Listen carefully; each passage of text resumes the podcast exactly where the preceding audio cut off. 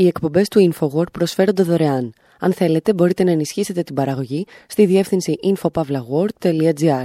Η διεύθυνση infopavlagor.gr. Η εκπομπή InfoWord με τον Άρη Χατζηστεφάνου.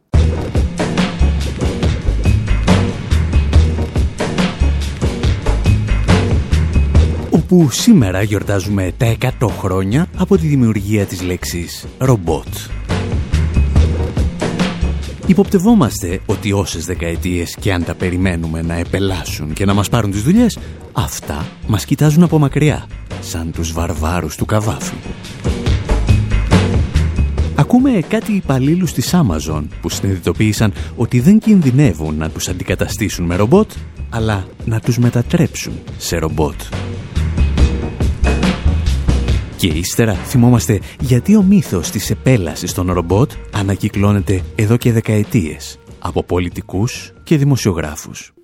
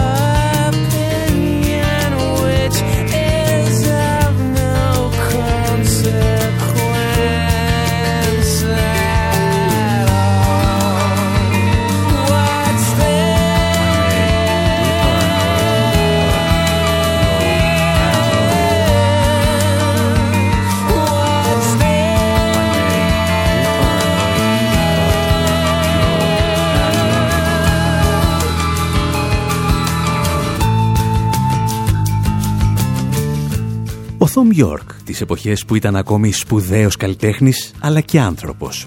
Πριν αρχίσει δηλαδή να δίνει συναυλίες στο Ισραήλ, στηρίζοντας το καθεστώς Apartheid. Το τραγούδι είναι προφανώς το Paranoid Android, το οποίο πέραν του τίτλου του ελάχιστη σχέση έχει με το θέμα της σημερινής μας εκπομπής. Λέγεται ότι ο Θόμ Γιόρκ το έγραψε σε ένα παράκι του Λος Άντζελες, ενοχλημένος από μια θορυβόδη παρέα που μάλλον είχε καταναλώσει σημαντικές ποσότητες κοκαίνης.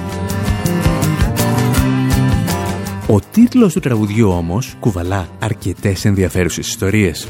Γιατί Paranoid Android, δηλαδή το παρανοϊκό ανδροειδές, ήταν ο Μάρβιν από το μυθιστόρημα επιστημονικής φαντασίας Hitchhiker's Guide to the Galaxy του Douglas Adams πιθανότατα ήταν το πρώτο ρομπότ που έπασχε από κατάθλιψη. I think you ought to know I'm feeling very depressed. Yeah, well, that's life. Life? Don't talk to me about life. Εάν θυμάστε, ο Μάρβιν βαριόταν απελπιστικά γιατί δεν είχε ποτέ την ευκαιρία να χρησιμοποιήσει τις νοητικές του ικανότητες και όπως έλεγε ήταν 50.000 φορές πιο έξυπνος από έναν άνθρωπο και 30 δισεκατομμύρια φορές πιο έξυπνος από ένα στρώμα. Το ενδιαφέρον για εμάς είναι ότι τόσο ο Douglas Adams όσο και ο Thom York χρησιμοποιούν τη λέξη ανδροειδές. Μια λέξη η οποία εν πολλής εγκαταλείφθηκε πριν από 100 χρόνια vysoké, svrchované lidi a možná víc než lidi. Tedy nad lidi. Φανταστείτε ότι βρισκόμαστε στο Εθνικό Θέατρο της Πράγας στις 25 Ιανουαρίου του 1921. Επίσημη πρώτη για την θεατρική παράσταση «Ροσουμόβι Ουνιβερτσάλνη Ρομπότη» του τσεχοσλοβάκου συγγραφέα Καρέλ Τσαπέκ. Πρόκειται για την παράσταση που θα δώσει στην ανθρωπότητα τη λέξη ρομπότ. Τα ρομπότ προέρχονται από την τσεχική λέξη ρομπότα που αναφέρεται στην καταναγκαστική εργασία που εκτελεί ένας σκλάβος. Για την ιστορία, την ιδέα να ονομάσει έτσι τα ανδροειδή της παράστασης είχε ο αδερφός του συγγραφέα, ο Γιώζεφ Τσαπέκ. Από πολιτικής απόψεως, το σημαντικότερο χαρακτηριστικό του Τσαπέκ ήταν ο γνήσιος αντιφασισμός του. Για την ιστορία ήταν τόσο αντιφασίστας, ώστε η Γκεστάπο τον θεωρούσε τον δεύτερο πιο επικίνδυνο άνθρωπο στην Τσεχοσλοβακία. Και επειδή όταν εισέβαλαν στη χώρα του είχε ήδη πεθάνει, συνέλαβαν τον αδερφό του, τον οποίο έστειλαν στο στρατόπεδο καταναγκαστικής εργασίας και εξόντωσης Bergen Ο άνθρωπος δηλαδή που δημιούργησε τη λέξη ρομπότ για να περιγράψει την καταναγκαστική εργασία των μηχανών εξοντώθηκε σε ένα στρατόπεδο καταναγκαστικής εργασίας ανθρώπων. Και αυτή η σχέση του καταναγκασμού, της τεχνολογίας και της εργασίας θα μας απασχολήσει σήμερα. Την εισαγωγή κάνουν οι Kraftwerk με το περίφημο Roboter.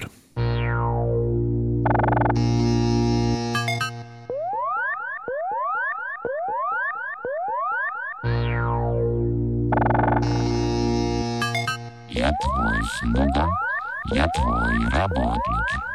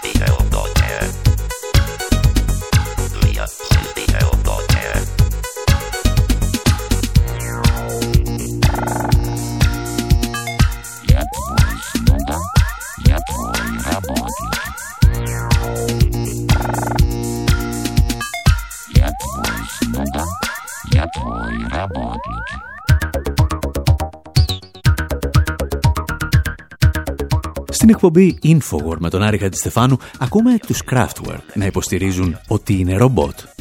Και αν υπάρχει ένα συγκρότημα που μπορεί να τεκμηριώσει έναν τέτοιο ισχυρισμό, είναι σίγουρα αυτή. Δεν είναι άλλωστε τυχαίο πως ένα από τα πρώτα μέλη του συγκροτήματος, ο Wolfgang Flur, ονόμασε την αυτοβιογραφία του «Ich war ein Roboter», δηλαδή «Ήμουν ένα ρομπότ».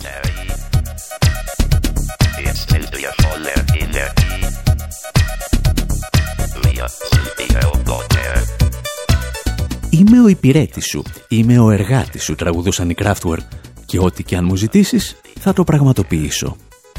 Και με αυτή ακριβώς την έννοια της μηχανής που θα υπηρετεί τον άνθρωπο δημιουργήθηκε πριν από έναν αιώνα η λέξη ρομπότ στη θεατρική παράσταση του Καρέλ Τσαπέκ. Ο Τσαπέκ παρουσίαζε μια μελλοντική κοινωνία, την οποία τοποθετούσε στο μακρινό για αυτόν 2020. Εκεί, σε ένα εργοστάσιο, παρασκευάζονταν τα ρομπότ, τα οποία αποτελούνταν από τεχνητό δέρμα, τεχνητό αίμα και οστά. Τα ρομπότ της παράστασης δηλαδή δεν είχαν μηχανικά μέρη, όπως τα γνωρίζουμε σήμερα, αλλά αποτελούνταν από συνθετική οργανική ύλη, όπως τα φανταζόμαστε και εμείς για το μέλλον. Όπως τα φαντάστηκε ο Ridley Scott στο Blade Runner.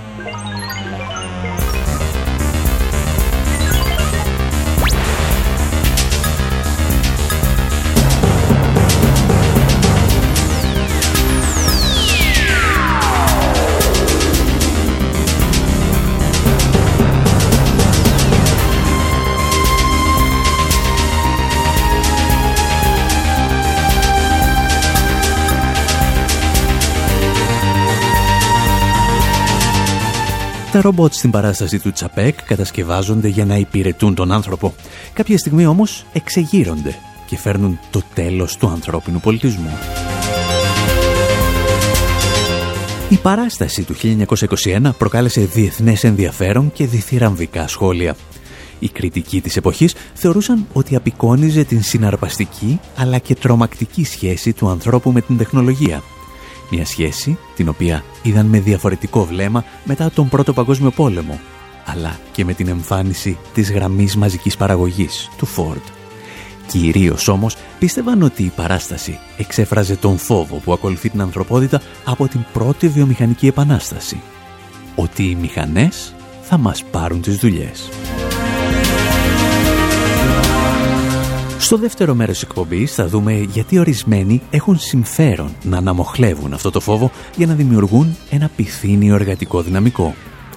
Προς το παρόν όμως μας ενδιαφέρει ότι αυτός ο φόβος επανήλθε δρυμύτερος μαζί με την πανδημία του κορονοϊού. This COVID-19 outbreak is forecast to put millions of people out of work. Also, with technology and AI replacing more and more workers each and every day. Καθώς εκατομμύρια άνθρωποι σε όλο τον κόσμο έχαναν τη δουλειά τους λόγω της εξάπλωσης του κορονοϊού, τα διεθνή μέσα ενημέρωσης επιχείρησαν να μας πείσουν ότι αυτές οι θέσεις θα καλυφθούν από ρομπότ. Και στη θέση του ρομπότ εννοούσαν ρομποτικές κατασκευές σε κάποιο εργοστάσιο, ηλεκτρονικούς υπολογιστές σε μια επιχείρηση ή κάποια εφαρμογή τεχνητής νοημοσύνης σε μια συσκευή. Οι τίτλοι αυτών των ειδήσεων ήταν συχνά παραπλανητικοί. Το γεγονός ότι χάνονται εκατομμύρια θέσεις εργασίας δεν σημαίνει ότι καλύπτονται από ρομπότ. Η χρήση αυτοματισμών μπορεί να αυξάνεται, αλλά αποτελεί σταγόνα στον ωκεανό των χαμένων θέσεων. Ο Ματ Σάιμ, μάλιστα, συντάκτης του περιοδικού Wired, αντέστρεψε αυτό το επιχείρημα. «Εάν τα ρομπότ μας κλέβουν τόσες δουλειές», είπε, «γιατί δεν ήρθαν να μας σώσουν στην πανδημία». Προφανώς, τόσο μια ιδιωτική επιχείρηση όσο και ένας κρατικός φορέας θα ήθελα να αντικαταστήσουν τους εργαζομένους με ρομπότ εν μέσω της πανδημίας. Η εταιρεία για να συνεχίσει να λειτουργεί και να κερδοφορεί και το κράτος για να μην εκθέτει εργαζομένους στην πρώτη γραμμή της πανδημίας. Αντίθετα, αυτό που βλέπουμε είναι επιχειρήσεις να κλείνουν και οι υπαλλήλους να συνεχίζουν να εργάζονται ενώ κινδυνεύουν από τον κορονοϊό. Το επιχείρημα ίσως ακούγεται απλουστευτικό, αλλά επιβεβαιώνει πρόσφατες μελέτες ότι η αυτοματοποίηση και πολύ περισσότερο η εισαγωγή ρομπότ στην παραγωγική διαδικασία δεν είχε τις συνέπειες που φανταζόμασταν. Πρόσφατη έρευνα οικονομολόγων της Ευρωπαϊκής Επιτροπής, παραδείγματος χάρη, έδειξε ότι την περίοδο 95-2015 η εισαγωγή ρομποτικών εφαρμογών στη βιομηχανία όχι μόνο δεν οδήγησε σε μείωση θέσεων εργασίας, αλλά συχνά συνυπήρξε με μια μικρή θετική συσχέτιση. Τα ρομπότ δηλαδή αυξάνονταν μαζί με τους εργαζόμενους. Παρ' όλα αυτά, πρόσφατη έρευνα του Ευρωβαρόμετρου έδειχνε ότι το 72% των πολιτών πιστεύει ότι τα ρομπότ μας παίρνουν τις δουλειές. Ενώ όμως η έλευση των ρομπότ δεν θα έπρεπε να είναι η βασική ανησυχία των εργαζομένων, παρόλα αυτά είναι. Και δυστυχώς, πολλοί ξεχνούν έτσι έναν πολύ πιο υπαρκτό κίνδυνο. Να μην σε αντικαταστήσουν με ένα ρομπότ, αλλά να σε αναγκάσουν να εργάζεσαι σαν ένα ρομπότ. Θα τα συζητήσουμε ύστερα από αυτό.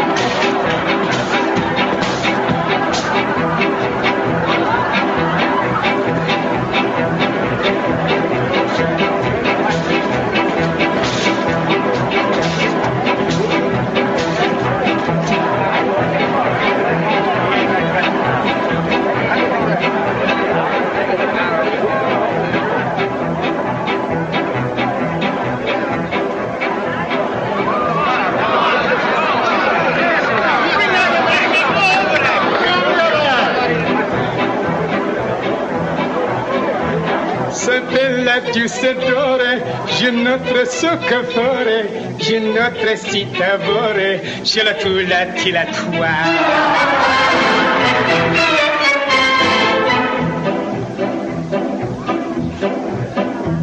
La spinage o la bouchon, sigarette bello, si rocchi spaghetto, je la tu la ti la.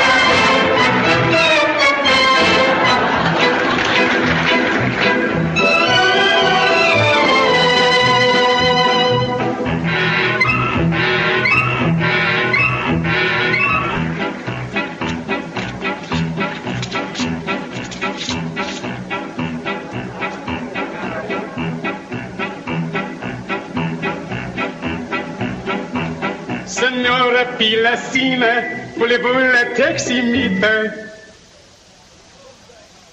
Le zionta sous la cita. Tula tula tula wa.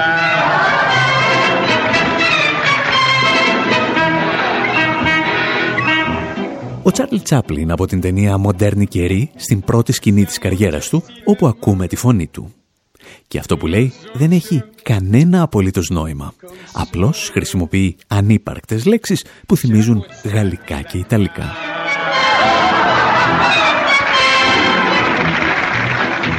Από τους μοντέρνους καιρούς βέβαια, όλοι θυμόμαστε περισσότερο την περίφημη σκηνή με τη μηχανή που καταπίνει τον ήρωά μας.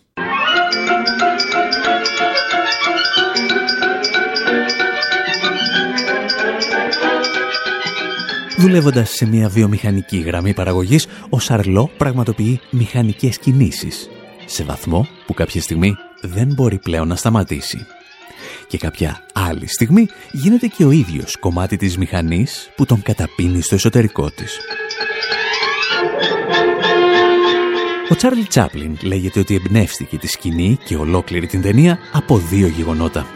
Το πρώτο ήταν οι άθλιες συνθήκες εργασίας που επικρατούσαν σε όλο τον κόσμο στη δεκαετία του 30, στα χρόνια της Μεγάλης Ήφεσης.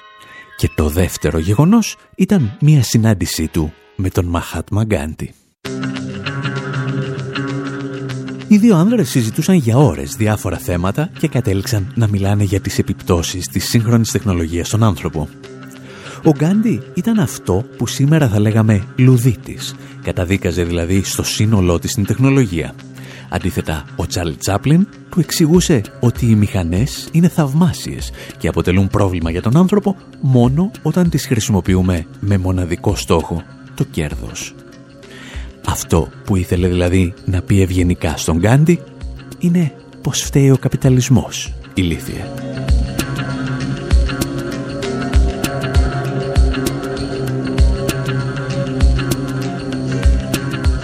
Οι συνθήκες που περιγράφει ο Τσάρλ Τσάπλιν στους μοντέρνους καιρούς θα έπρεπε να ανήκουν οριστικά στο παρελθόν. Ειδικά εάν τα ρομπότ ήταν πράγματι σε θέση να αντικαταστήσουν την ανθρώπινη εργασία. Παρ' όλα αυτά, οι συνθήκες παραμένουν σχεδόν αναλύωτες. Και για να το διαπιστώσεις, δεν χρειάζεται να ταξιδέψεις στα εργοστάσια της Ασίας. Αρκεί μια βόλτα στην πλησιέστερη αποθήκη της Amazon. Πριν από μερικά χρόνια, η δημοσιογράφος Μακ Μαλέλαντ κατάφερε να προσληφθεί σαν εργαζόμενη σε μια αποθήκη της Amazon. Και μιλώντας στο Democracy Now, περιέγραψε αυτή την εμπειρία της. I was what's called a picker, which is the person who actually retrieves the items that you order online. And these are hundreds Ήμουν αυτό που λέγεται picker, δηλαδή αυτός που συλλέγει τα αντικείμενα που παραγγέλνεις online. Και αυτές οι αποθήκες είναι εκατοντάδες χιλιάδες τετραγωνικά, τεράστιες. Και έχεις ένα μικρό σκάνερ που σου λέει που πρέπει να πας μέσα στην αποθήκη. Υπάρχει ένας χάρτης που σου λέει πόσα δευτερόλεπτα πρέπει να σου πάρει να πας εκεί. Οπότε εμφανίζεται μία μπάρμπι και έχεις 20 δευτερόλεπτα να διασχίσεις την απόσταση και τρέχεις εκεί που είναι το ράφι, διαλέγεις ανάμεσα σε άλλα αντικείμενα όσο πιο γρήγορα μπορείς, παίρνεις την μπάρμπι, τη σκανάρει και τη βάζεις σε μία τσάντα. Και έπειτα εμφανίζεται το επόμενο προϊόν και έχεις άλλα 15 δευτερόλεπτα. Και αυτό γίνεται ασταμάτητα. Είχαμε τουλάχιστον 10 ώρες βάρδιες όταν ήμουν εκεί. Και υπάρχουν άνθρωποι που κυκλοφορούν εκεί και σου λένε πόσο κοντά είσαι στο να πετύχεις ή να μην πετύχεις τους χρόνους σου. Κάθε λίγες ώρες έρχεται κάποιος και σου λέει: Έχεις πετύχει το 70% του χρόνου σου. Κάνεις κακή δουλειά. Πρέπει να ανέβεις. Σε συμβουλεύουν ασταμάτητα για το ρυθμό σου. Και τρέχεις μπρος πίσω στο χώρο του γεύματος, πρέπει να περάσεις από ανιχνευτή μετάλλων. Πρέπει να περιμένεις την ουρά για να πας τουαλέτα, να φας κάτι πολύ γρήγορα και να τρέξεις πίσω στο τμήμα σου. Αυτό είναι όλο. Ξανά και ξανά και ξανά. back to your station. And that's it, just over and over and over again. Το πρόβλημα λοιπόν στις αποθήκες της Amazon δεν είναι ότι τα ρομπότ πήραν τις δουλειές των εργαζομένων. Το πρόβλημα είναι ότι η εταιρεία του πλουσιότερου ανθρώπου στον πλανήτη αντιμετωπίζει τους εργαζόμενους σαν ρομπότ. Στο δεύτερο μέρος της εκπομπής θα δούμε ποιοι και γιατί συντηρούν το μύθο της επέλασης των ρομπότ και το κάνουν 100 χρόνια από την ημέρα που επινοήθηκε ο όρος σε μια θεατρική παράσταση τον Ιανουάριο του 1921 στην Πράγα. Μέχρι τότε να θυμάστε ότι και τα ρομπότ μπορεί να μελαγχολήσουν, όπως ο Μάρβιν από το Hitchhiker's Guide to the Galaxy.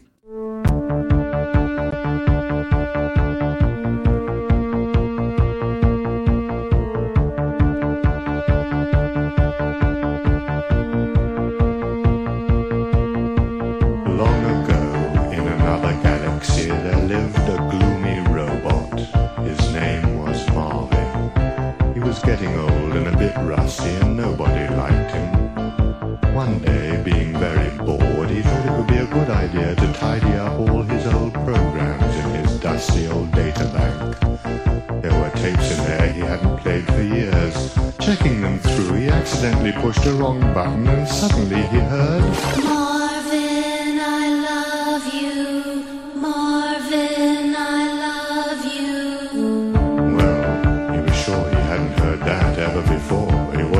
sure he'd heard it that time, because being a bored and gloomy robot, he hadn't really been listening. What was worse, he couldn't remember what button he'd accidentally pressed. Anyway, he tried a few switches at random and suddenly.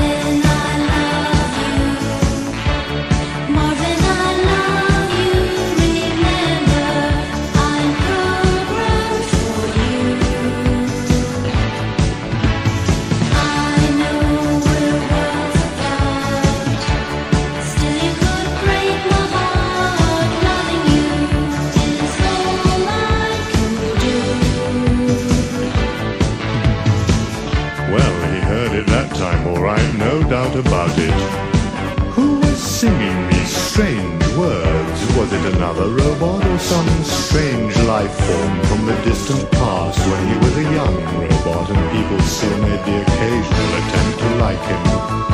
He couldn't make it out at all, so he pushed a few buttons again.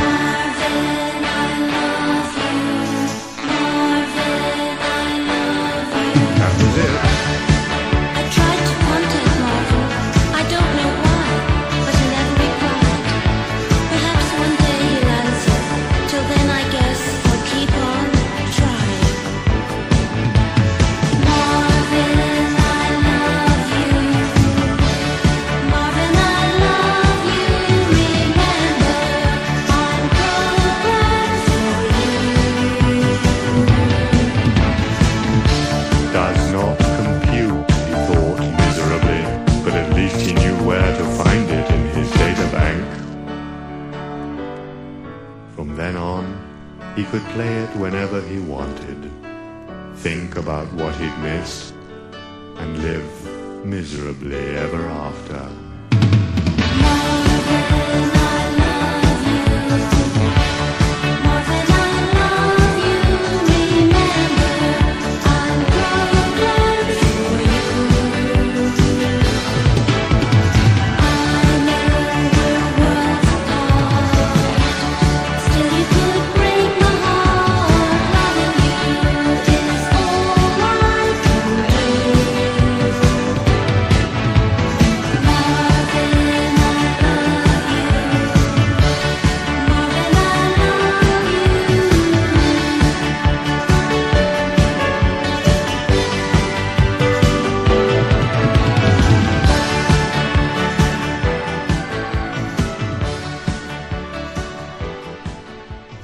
Οι εκπομπές του InfoWord προσφέρονται δωρεάν. Αν θέλετε, μπορείτε να ενισχύσετε την παραγωγή στη διεύθυνση infopavlagor.gr.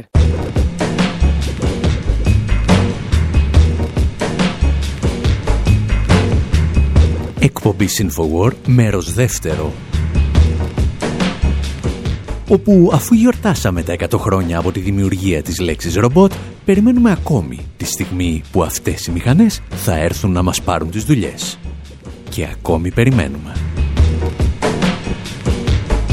Για να ξαναπιάσουμε την ιστορία από την αρχή, θα θυμηθούμε για λίγο την ιστορία των λουδιτών, των ανθρώπων που έσπαγαν τις μηχανές. Θα αφήσουμε τον Eric Hobsbawm να μας θυμίσει ότι δεν το έκαναν γιατί μισούσαν την τεχνολογία, αλλά γιατί είχαν ένα ελαφρώς δυναμικό τρόπο να επαναδιαπραγματεύονται τις συλλογικές συμβάσεις εργασίας. Ίσως να συνειδητοποιήσουμε έτσι ότι οι εργάτες του 19ου αιώνα είχαν πολύ καλύτερη αντίληψη για το ποιος είναι ο πραγματικός εχθρός τους σε σχέση με εμάς σήμερα. Και θα αφήσουμε να κλείσει αυτή την κουβέντα ένας κύριος που εδώ και χρόνια είναι έξαλλος με όσους αποδίδουν στα ρομπότ τις συνθήκες που επικρατούν στο γραφείο ή το εργοστάσιο τους.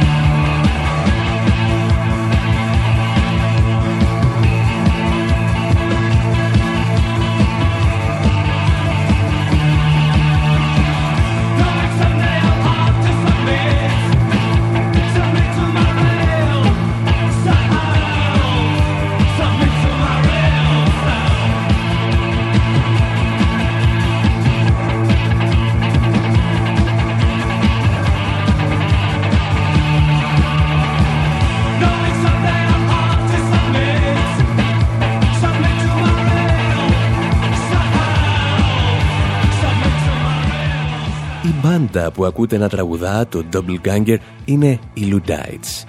Και φυσικά τους ακούμε γιατί το όνομα του συγκροτήματος ήταν ένα από τα αγαπημένα θέματα συζήτησης του Βρετανού μαρξιστή ιστορικού Eric Hobsbawm.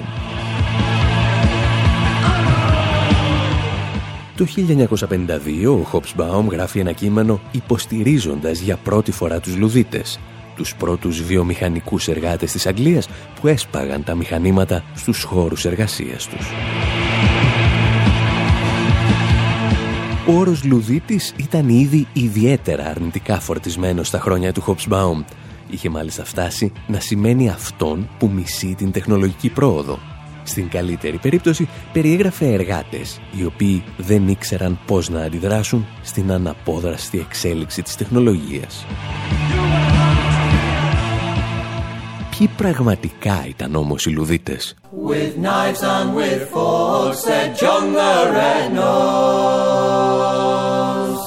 Η ιστορία μας ξεκινά το 1779, όταν κάποιος Ned Lud τα πήρε άσχημα στο κρανίο και έσπασε δύο μηχανές ύφανσης στο εργοστάσιο που εργαζόταν.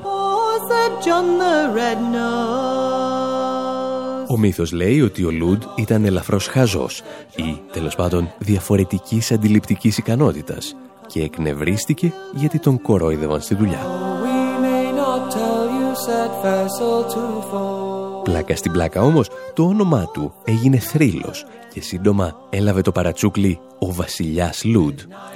Και όταν το 1810 οι βιομηχανικοί εργάτες στα κλωστήρια της Μεγάλης Βρετανίας άρχισαν να σπάνε τις μηχανές παραγωγής, αποφάσισαν να ονομαστούν Λουδίτες. Ο Χοπσμπάουμ παρατηρούσε ότι ακόμη και στις ημέρες του η φιλελεύθερη διήγηση που διδάσκεται στα σχολεία πήγαινε ως εξής. Η τεχνολογική πρόοδος είναι αναπόφευκτη, είναι βέβαια κρίμα που οι εργάτες χάνουν τη δουλειά τους, αλλά τι να κάνουμε, Έτσι είναι η ζωή. Για τον Hobsbawm όμως, αυτή είναι μια ιδιαίτερα άδικη καταγραφή του προβιομηχανικού εργατικού κινήματος, το οποίο το μόνο που διεκδικούσε ήταν ανθρώπινες συνθήκες εργασίας και αμοιβή. Το σπάσιμο των μηχανών, έγραφε ο Hobsbawm, ήταν μια πρώτη μορφή διεκδίκησης συλλογικών συμβάσεων εργασίας μέσω εξέγερσης. Περίπου δηλαδή όπως περιέγραφαν τα πράγματα και οι Τσάμπα Wamba στο τραγούδι τους The Triumph of General Lud. Ο θρίαμβος του στρατηγού Λουντ.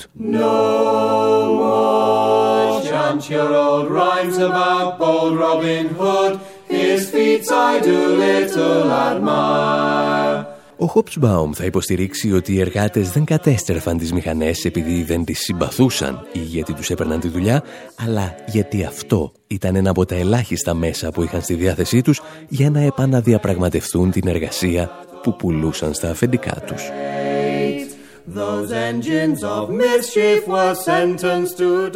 Παράλληλα, οι ίδιοι εργάτες έμπαιναν στα σπίτια των αφεντικών τους ή των απεργοσπαστών και τους εξηγούσαν, όχι πάντα με τον πλέον ευγενικό τρόπο, ότι έχει έρθει η ώρα για την υπογραφή της νέας συλλογικής σύμβασης εργασίας. Μήπως αυτό είναι άδικο, βάρβαρο ή απάνθρωπο; Μάλλον όχι, αν σκεφτεί κανείς ότι εκείνη την εποχή οι εργοδότες πολύ συχνά διαπραγματεύονταν με τη βοήθεια του στρατού. Η βία των εργαζομένων δηλαδή ήταν ανάλογη και σίγουρα λιγότερο οργανωμένη σε σχέση με αυτή των εργοδοτών.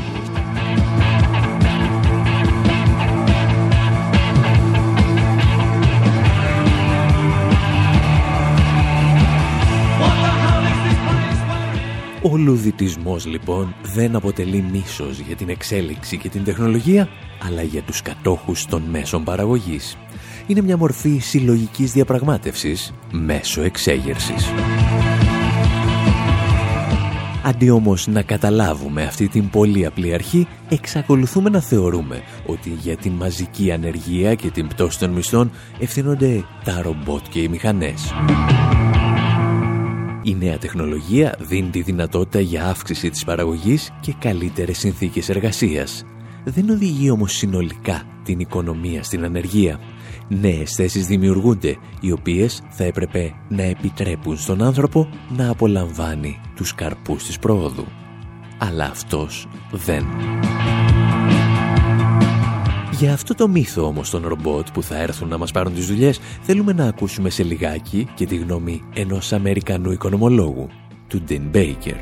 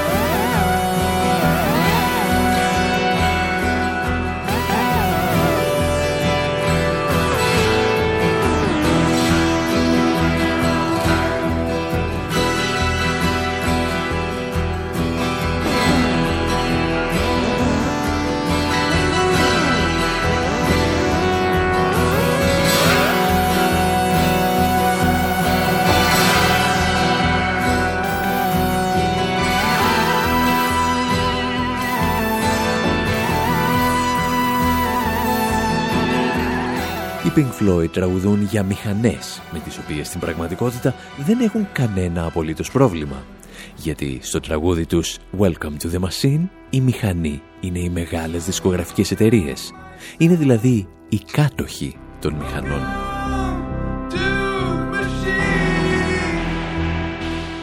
Παρ' όλα αυτά, καθώς το κυρίαρχο οικονομικό σύστημα δεν λέει να βγει από την κρίση του εδώ και 4,5 δεκαετίες, πολλοί πιστεύουν ακόμη ότι για όλα μας φταίνε οι μηχανές και τα ρομπότ που μας παίρνουν τις θέσεις εργασίας.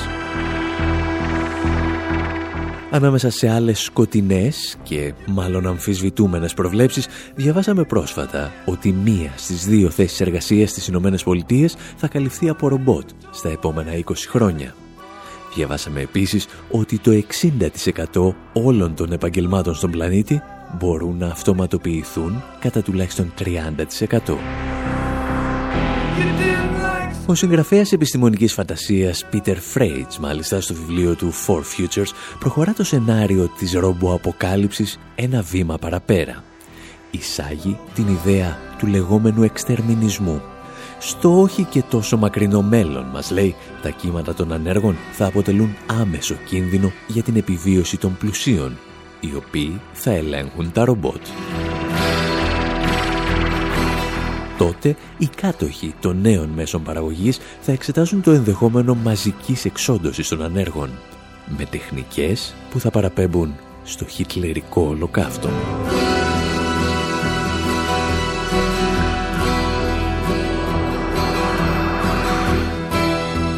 Ένας από τους ανθρώπους που τα έχουν πάρει άσχημα με αυτή την αιμονή να κατηγορούμε την τεχνολογία είναι και ο Αμερικανός οικονομολόγος Dean Baker, αν θυμάστε, τον είχαμε γνωρίσει πριν από χρόνια στα γυρίσματα του ντοκιμαντέρ Καταστρόικα στην Ουάσιγκτον.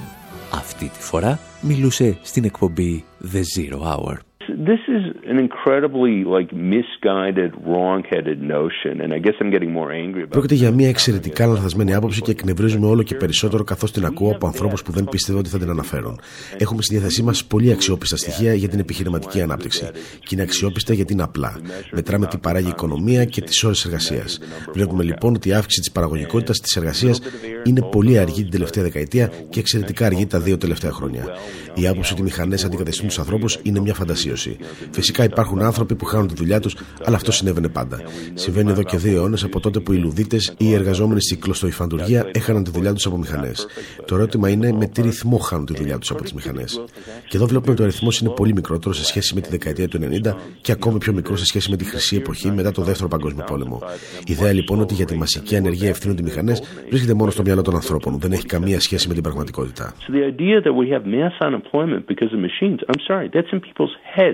That's not in the world. Η αυτοματοποίηση λοιπόν δεν επελάβνει όπως υποστηρίζουν ορισμένοι και τα ρομπότ δεν είναι αυτά που μας παίρνουν τις δουλειές. It's not the machines, it's real bad policy. It's people with shit in their head who couldn't see an 8 trillion dollar housing bubble. Sorry, I swore on the radio. Δεν φταίνε μηχανές, αλλά οι κακές πολιτικές αποφάσεις. Φταίνε όσοι είχαν σκατά στο κεφάλι τους και δεν μπορούσαν να δουν μια φούσκα στην αγορά κινήτων ύψους ενός τρισεκατομμυρίου δολαρίων. Συγγνώμη που βρίζω στο ραδιόφωνο. Έχουμε επίση ένα εμπορικό έλλειμμα που στοιχίζει εκατομμύρια θέσεις εργασίας. Αυτές είναι πολιτικές. Δεν είναι μηχανές. Και ύστερα μιλάνε για το κατώτατο εγγυημένο εισόδημα, το οποίο δεν πετυχαίνουν ποτέ. Οπότε είναι σαν να λες ότι όλοι μας την έχουμε πατήσει. Και αυτό δεν είναι αστείο. We're not going to get that. So what you're saying is everyone is screwed. And that's not funny.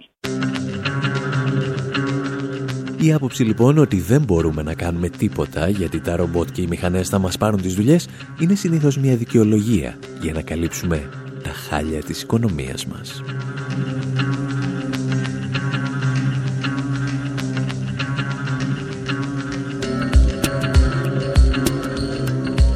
Κάπου εδώ όμως εμείς φτάσαμε στο τέλος και αυτής της εκπομπής.